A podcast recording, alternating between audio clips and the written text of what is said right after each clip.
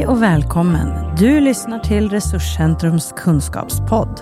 Den här serien är en del av projekt STAD, strategiskt arbete för demokrati, som fokuserar på förebyggande arbete mot just radikalisering och våldsbejakande extremism, även benämnt VBE. Radikalisering och våldsbejakande extremism kan upplevas som något ogreppbart eller lite svårt att relatera till.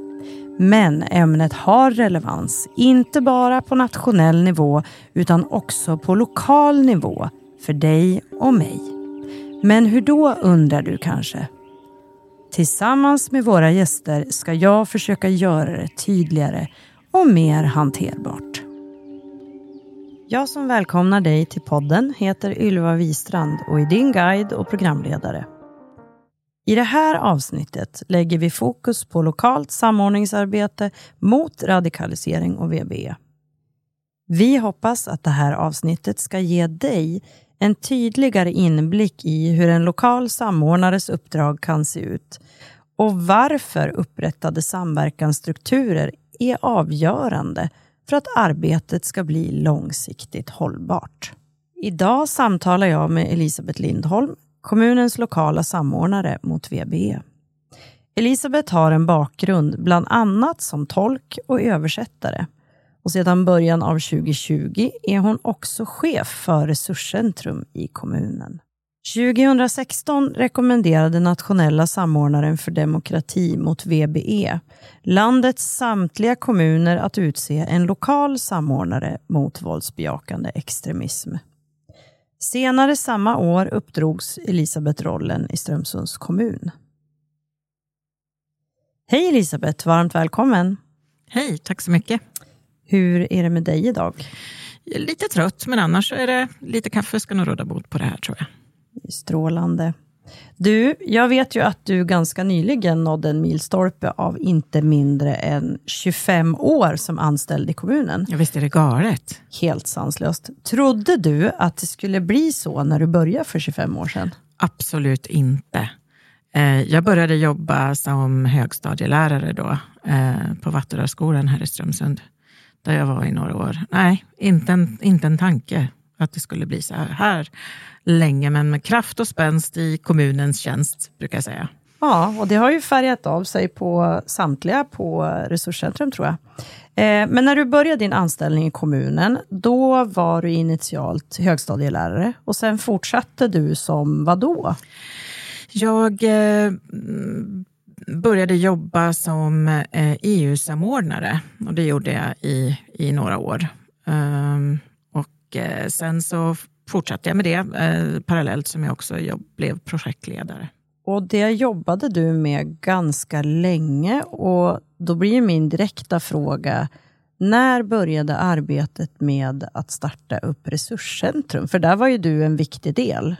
Eh, 2012 skulle vi vilja säga så inleddes det. Vi började med ett resurs, eh, ett resursteam helt enkelt, ett tvärprofessionellt team av eh, socionomer, pedagog eh, med flera. Så att vi hade ett team som jobbade på ungefär det sätt som vi i Resurscentrum gör idag. Vi har ju ett team idag också som, som, som eh, fortsätter att jobba ungefär samma anda och på samma, med samma arbetssätt ungefär. Finnas som ett stöd för andra verksamheter. Och då fokus integrationsfrågor. Så Resurscentrum fungerade i stort likadant då som nu. Och skillnaden är kanske främst att vi idag har flera arbetsområden än vad ni startade upp med. Ja, initialt så var det ju frågan om, om eh, eh, integrationsfrågor, alltså integration, migration, migration, återvändande, olika aspekter av det. Eh, och vi hade också ett väldigt starkt barnfokus. Eh, så. Men, men vi drev också, bedrev också utvecklingsprojekt med eh, främst fokus då, integration, migration och återvändande.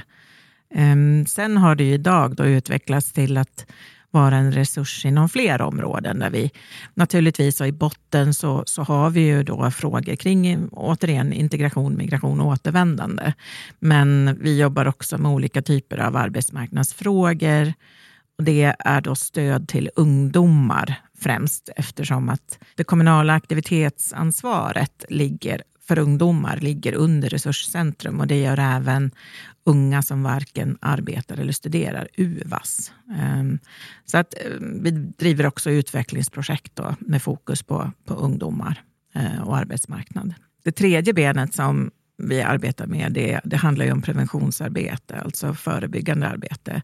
Och då exempelvis så handlar det om att eh, eh, utbilda och informera, men också rent praktiskt konkret stötta individer när det gäller hedersrelaterat våld och förtryck. Mm. Det tycker jag är finemangs med eh, Resurscentrum, att vi kan arbeta både på strategisk såväl som operativ nivå. Ja, det är, väldigt, alltså det är ju väldigt högt och lågt. Eh, det är helt fantastiskt. Eh, vi har möten på regeringskansliet samma vecka som vi, vi möter barn och ungdomar i enskilda samtal. Alltså, vi, vi eh, har en fantastisk möjlighet att kunna kombinera teori och praktik och, och, och forskning och, och, praktiskt arbete. Och det tycker jag är en ja, det är en fantastisk möjlighet att få, få jobba på Resurscentrum. Eh, nu har vi pratat mycket om vår egen verksamhet, Resurscentrum och så. Och det, det för oss ju väldigt naturligt till frågan om uppdraget som lokal samordnare. Det lades ju på dig. Eh, hur gick den diskussionen? Hur, hur kom det sig? Eh, jag deltog inte i någon föregående diskussion kring det, utan frågan kom från dåvarande kommunchef om jag kunde tänka mig att ta mig an det uppdraget helt enkelt. Och jag hade ju då eh, jobbat och varit ansvarig för eh, integrationsfrågor som rörde barn och ungdomar. Det var ju vad, vad mitt fokus hade varit eh, under, under ganska många år då. Um, och vi, jag hade jobbat också i flyktingmottagningen, för det ingick liksom i vår enhet där vi jobbade, då, utvecklingsavdelningen. Jag blir ju väldigt nyfiken. Vad var det som gjorde att du tackade ja? För arbete med integration och migration leder ju inte direkt till området radikalisering och våldsbejakande extremism? Absolut inte, det gör det inte. Eh, men då är det ju så här, då, jag har ju precis eh, innan sagt det här med kraft och spänst i kommunens tjänst, så får man en fråga från kommunchefen så säger man ju inte nej, det tänker jag inte göra. Utan, utan det handlar ju om, okej, okay, det, här, det här är intressant. Eh, utan istället så börjar jag tänka på hur ska det här utformas, vad innebär det här och så vidare. Men jag tvekade ju inte att säga ja. Behöver vi en lokal samordnare i vår kommun?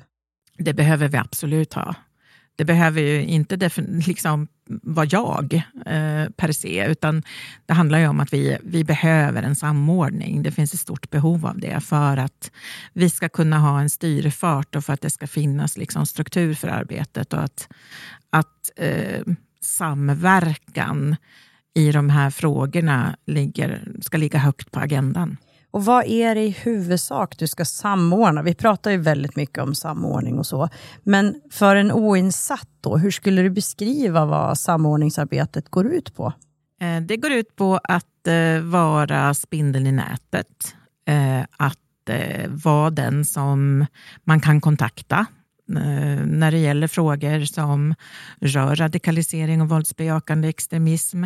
Men det handlar också om att samordna de olika verksamheter och myndigheter som faktiskt berörs av eh, frågor som rör radikalisering och våldsbejakande extremism helt enkelt. Och det förebyggande arbetet som vi alla behöver göra. Dra vårt strå till stacken när vi nu pratar om samverkan eh, så tycker jag att det underförstått handlar om något slags samsyn och samförstånd i vad som ska göras, vad som behöver göras. Och då har ju du varit med och startat den lokala samverkansgruppen mot våldsbejakande extremism. Sedan 2017 så har eh, samverkansgruppen haft ungefär samma struktur som den har idag. Det var då som jag och kommunpolis Jonny Jonsson pratade ihop oss för att se på vilket sätt vi, vi trodde att vi lokalt skulle kunna hitta liksom de bästa samverkansmöjligheterna helt enkelt för de här frågorna. Ja. Eh Och då undrar jag ju genast, vilka funktioner ingår i den lokala samverkansgruppen då? Det har varierat lite över tid, eh, men vi har representanter från polisen, eh, från bostadsbolaget, vi har från socialtjänsten, från eh, de olika skolorna i kommunen. Och vi har också säkerhetssamordnare med. Och sen då så finns ju jag där då från, från Resurscentrum. I samverkansgruppen så har ni också som uppdrag att jobba med vår lokala lägesbild och hålla den uppdaterad. Vad innebär det arbetet? Eh, det innebär att vi vid varje träff vi har, vi träffas regelbundet, så eh, jobbar vi med lägesbilden. Vi ser över hur det ser ut inom olika områden, inom olika frågor och sen så försöker vi helt enkelt att ha koll på läget. Det här sammanställs också i en, en årlig lägesbild som vi sen presenterar i början av varje år. Vem presenteras den för?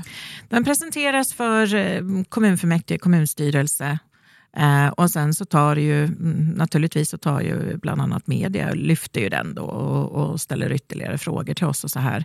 Men jag tänker att den här lokala lägesbilden, den är ju otroligt viktig för att vi ska kunna veta vad vi ska fokusera på. Eh, det handlar också om att öka medvetenheten kring de här frågorna. Eh, för mm, det är ju faktiskt så att, att eh, det här de här frågorna, om vi pratar radikalisering och VBE och förebyggande arbete, det är ju egentligen någonting som, finns, som det finns behov av precis överallt. Det är jag övertygad om.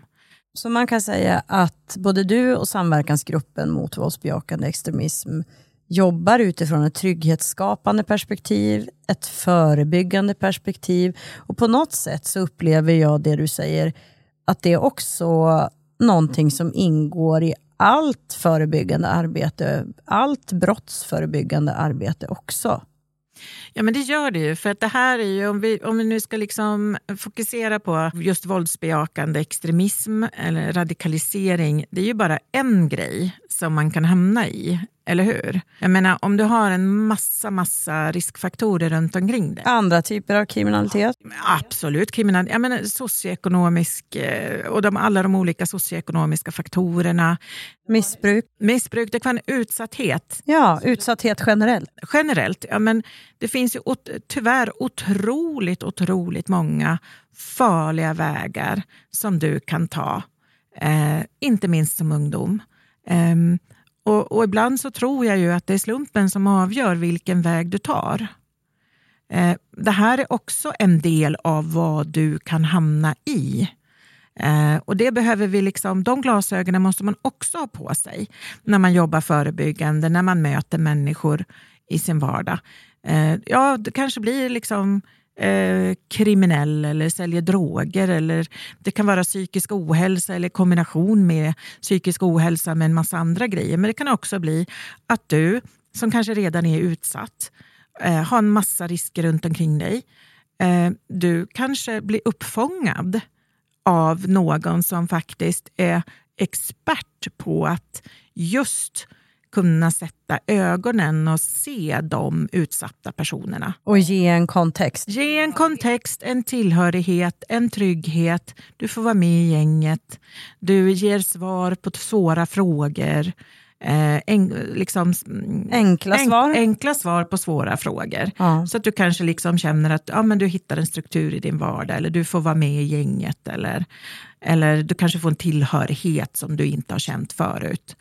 Och det är precis samma sak som i, i eh, vilken kriminell situation eller vilken riskfylld situation Absolut. som helst, tänker jag. Och det är, precis, det är det jag säger, att, att det, det vi försöker medvetandegöra och sprida information om är att det här det här området, radikalisering, våldsbejakande extremism, det är någonting man också kan hamna i.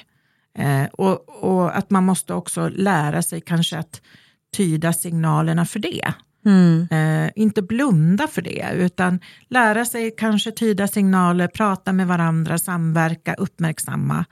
Eh, och det, det är super, superviktigt att vi inte glömmer bort det här området också. Men om du skulle få tänka fritt, var ser du att den största farozonen för radikalisering ligger? Exempelvis för unga. Är det nätet som är grejen? Nej. Det är en del av det. Det kan vara. Det är så otroligt individuellt, tror jag. Um, naturligtvis, vi, vi tittar på om det är nätet. Um, visst, det, det, och det är olika typer av processer, tänker jag. Eh, hur du hittar en tillhörighet, hur du liksom hittar ett forum. eh, någon som lyssnar på dig eller någon som delar eventuellt dina åsikter men man snäppar upp det och skruvar till det så det liksom blir extremt. Men, men jag tror att det, också, det, det, är så många olika sätt som man kan radikaliseras på. Du kan göra det eh, i din familj. Eh, det kan vara kompisar. Eh, det kan vara de som groomar dig och plockar upp dig på olika sätt. Mm. Och, och, nätet är ju, det är ju en grej, för att idag så är det ju så att jag menar, du kan ha dina närmaste polare, tror du, tycker du, i en helt annan del av världen. Eh, som, som, som hjälper till liksom och styr dina tankar och idéer och får med dig liksom in på ett spår eller en bana som du kanske inte skulle ha hamnat på. Eh, men, men jag tror att det kan se väldigt olika ut. Men det är klart att nätet är en viktig del. Och, och det är också det absolut svåraste för oss att uppmärksamma och se i förtid. Hur kan vi eh, gå in och, och liksom granska, säkra upp det för våra barn och ungdomar och vuxna för den delen också. Vad man sitter och gör eh, på kammaren eller i sitt rum eh, på nätet eller i sin mobiltelefon. Liksom. Mm. Um, här, handlar det om, här kan vi snacka förebyggande arbete. Ja, verkligen. um, för att vi måste ju liksom prata verkligen, inte minst med barn och ungdomar, om de här frågorna och se till att de inte har alla de här riskfaktorerna bakom sig. De hittar en trygghet och en tillhörighet någon annanstans eh, än att man behöver dra sig till det extrema. Mm. Vi pratar en, i mm. samverkansgruppen en hel del om, om social oro till exempel. Um, Vad är social oro? Jag tänker att man, man i samhället känner en oro en otrygghet. Och den behöver inte vara faktisk. Um, den kan vara upplevd. Alltså mer en känsla av en otrygghet? En känsla av otrygghet, fastän det kanske eh, faktiskt sett inte är otryggt. Men i media skrivs det, man ser på nyheterna, man, man påverkas otroligt mycket av det som händer ute i världen och inte minst ute i landet på andra ställen. Mm. Så även om, om det liksom eh, inte en upp, oron kan vara upplevd, eh, men den är inte faktisk. Mm. Det händer inte här och nu. Det kanske egentligen inte påverkar oss rent konkret, men i samhället upplever man en oro för det här som mm. eventuellt skulle kunna hända, mm, men som inte gör det. Nej. Inte har gjort det, det har hänt någon annanstans. Precis. Och, och det här är något vi pratar supermycket om i samverkansgruppen och har gjort det under, under åren. Och, och det är också något som vi behöver jobba med. Mm. Uh, vi behöver förebygga social oro genom att vara transparenta och öppna och berätta vad som händer eller hur det eventuellt påverkar. Vilka insatser har vi redan? Vad gör vi för att motverka? Ehm, hur ser läget ut i vår kommun? Ehm, och, och försöka verkligen att visa på vad man gör eh, och vad man ska göra och vad man planerar eller, eller så. Eh, generellt så upplever i alla fall jag, när vi pratar om eller när vi hör om radikaliserade personer, så tycker jag det verkar som att det är främst pojkar och män som radikaliseras. Jag tänker på ehm, Anders Breivik, jag tänker på Rakhmat Akilov, jag tänker på Anton Lundin Pettersson som utförde skolattacken i Trollhättan 2015. Eh, är det så att det är främst pojkar och män som radikaliseras? Eh, det vet inte jag jag kan inte säga att jag vet det. Jag har en egen tanke kring det här. Den vill jag höra såklart. Jag tror ju att flickor och kvinnor, de har en roll i det här. De finns med. De kan också bli eh, radikaliserade och extrema. Men om det tar sig kanske ett annat uttryck. Eh, Hur menar du? Nej, men jag tänker att man kan vara pådrivande, man kan eh, finnas med, eh, vara en, en hangaround eller man, man, man, har, man har tankarna och idéerna men som sagt det tar sig andra uttryck. Man kanske inte är den som lyfter pistolen. Man har men, andra uppgifter? Man har andra uppgifter liksom, i den här kontexten. Um, och Jag tror också att det är viktigt att inte bara se kvinnor som offer i de här miljöerna. Naturligtvis finns det offer eh, bland kvinnor, men det finns också män och pojkar som är offer i de här miljöerna. Mm. Ehm, eh, egentligen kan vi väl säga att alla är offer på något sätt, men, mm. men, men ehm, det, det finns även kvinnor som gör aktiva val mm. i det här. Men de kanske inte syns och uppmärksammas. Man kan fylla olika funktioner i en extrem kontext oaktat om du är man eller kvinna. Och, eh, det tänker jag, det bör ju vara giltigt för samtliga extrema miljöer. Ja men naturligtvis. Så är det ju. Det tar sig olika uttryck bara. De tre olika kontexterna eller miljöerna som vi pratar om, det är ju den vänsterextrema, den högerextrema och den islamistiska kontexten eller miljön. De ligger ju väldigt långt ifrån varandra, men de förenas också i ett område. Mm, ja, det ser vi väldigt tydligt idag, att, att eh, inte minst, eh, särskilt skulle jag vilja säga, den högerextrema miljön och den, en, den islamistiska miljön, de enas ju eh, genom antisemitism. Eh, det, det, ser vi oerhört tydligt idag. Men Elisabeth, om vi går tillbaka till hur då det var när du tackade ja till uppdraget som lokal samordnare mot VB 2016. Har du någon gång ångrat ditt beslut? Man ska aldrig ångra något man har gjort. Man kan bara ångra saker man inte har gjort. Så tänker jag. Ehm, men spontant så, så tänker jag också att jag önskar att frågan hade kommit mycket, mycket tidigare. Vad är det som gör att du tänker så? Därför att här i kommunen så upplevde vi saker, såg saker, hörde saker eh, utan att veta vad det var. Vi hade inte ord på det. Före 2016? Före 2016. Um, och det vi, vi såg, hörde och upplevde var ju uttryck för eh, såväl högerextrem miljö som en, en religiöst motiverad eh, extremistisk miljö. Så. Så att, eh, av den anledningen så tänker jag att vi, vi, jag skulle hemskt gärna vilja backa bandet någonstans och, och ha den kunskap som jag har idag. Um, och, och, fått haft den då liksom, och kunna, kunna hantera olika saker på ett bättre sätt och också stöttat upp både kollegor och olika verksamheter i kommunen med den kunskapen, för den hade vi verkligen behövt. Men vi fann den ingenstans. Um, det, det, fanns liksom inte på agendan att man i Norrlands inland skulle ha en problematik som vi hade. Och det kanske var egentligen en ganska nyformulerad fråga över landet, alltså nationellt. Ja, och sen så blev det ju... Det är klart att vi har ju också just ordet våldsbejakande extremism. Det blev liksom formulerat eh, på något vis under senare år. Och det är också ett, ett uttryck som är väldigt specifikt svenskt.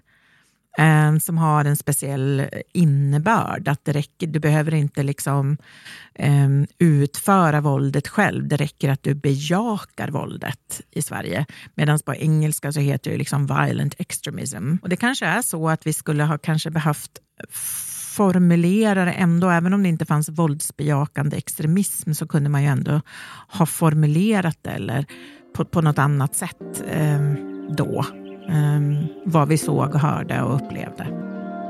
Eh, och stort tack till dig Elisabeth för att du ville gästa vår podd här på Resurscentrum. Tack själv. Vi ska också rikta ett stort tack till dig som lyssnar. Vi hörs nästa gång. Resurscentrum är en del av framtids och utvecklingsförvaltningen i Strömsunds kommun det poddavsnitt som du just lyssnat på är en del av projekt STAD som finansieras av Center mot våldsbejakande extremism, CVE. Om du vill kontakta oss, skriv till rc stromsund.se och märk mejlet podden. Vår vignett, den är producerad av Marcus Ernhed.